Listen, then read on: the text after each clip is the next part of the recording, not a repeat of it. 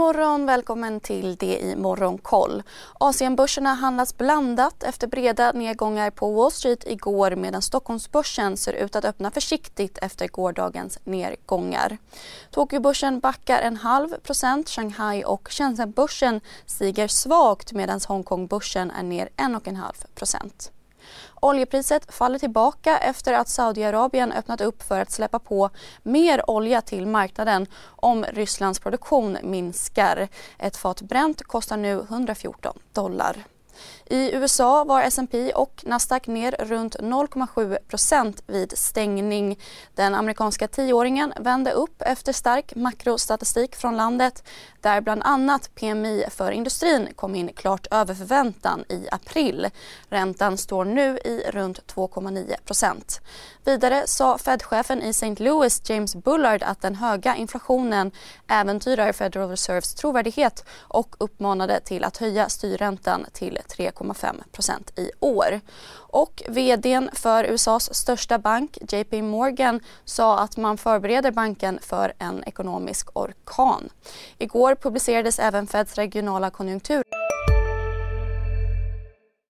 I de sekunderna när jag är i luften så är det en kamp på liv och död. I Spotlights serie Vinnarskallarna minns stjärnorna själva de dramatiska svenska sportögonblicken. Hör Anja Persson berätta om när hon kraschade i OS-backen men reste sig igen. Jag ville vinna över berget. Vinnarskallarna. Nytt avsnitt varje fredag. Sök efter podden Spotlight rapport som visade på fortsatt tillväxt om en något avsaktande. Vissa distrikt meddelade om att löneökningarna planade ut eller minskade men förväntningarna är fortfarande att lönerna stiger. Fed-chefen spår att tillväxten saktas ner långsiktigt till mellan 1,75 och 2 procent.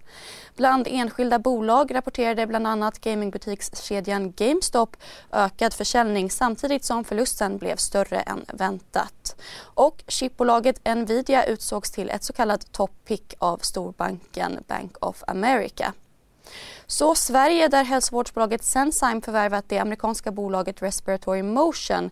Sensime gör även en riktad nyemission om drygt 100 miljoner kronor till en rabatt om 5 Elfordonstillverkaren Insail kommer inte att publicera någon delårsrapport för det första kvartalet. Bolaget skyller på att revisionsprocessen för fjolåret är mycket tidskrävande, bland annat på grund av tidigare förvärv. Nästa delårsrapport för första halvåret kommer i augusti. På agendan idag redovisas euroområdets producentpriser klockan 11. Börsmorgon sen som vanligt 8.45. Missa inte heller Börskoll som vanligt med start klockan 14.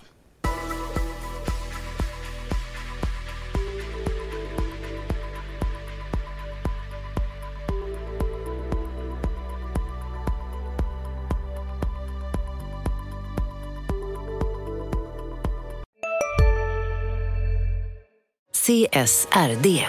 Ännu en förkortning som väcker känslor hos företagare. Men lugn, våra rådgivare här på PWC har koll på det som din verksamhet berörs av. Från hållbarhetslösningar och nya regelverk till affärsutveckling och ansvarsfulla AI-strategier. Välkommen till PWC. Hej, Synoptik här. Så här års är det extra viktigt att du skyddar dina ögon mot solens skadliga strålar.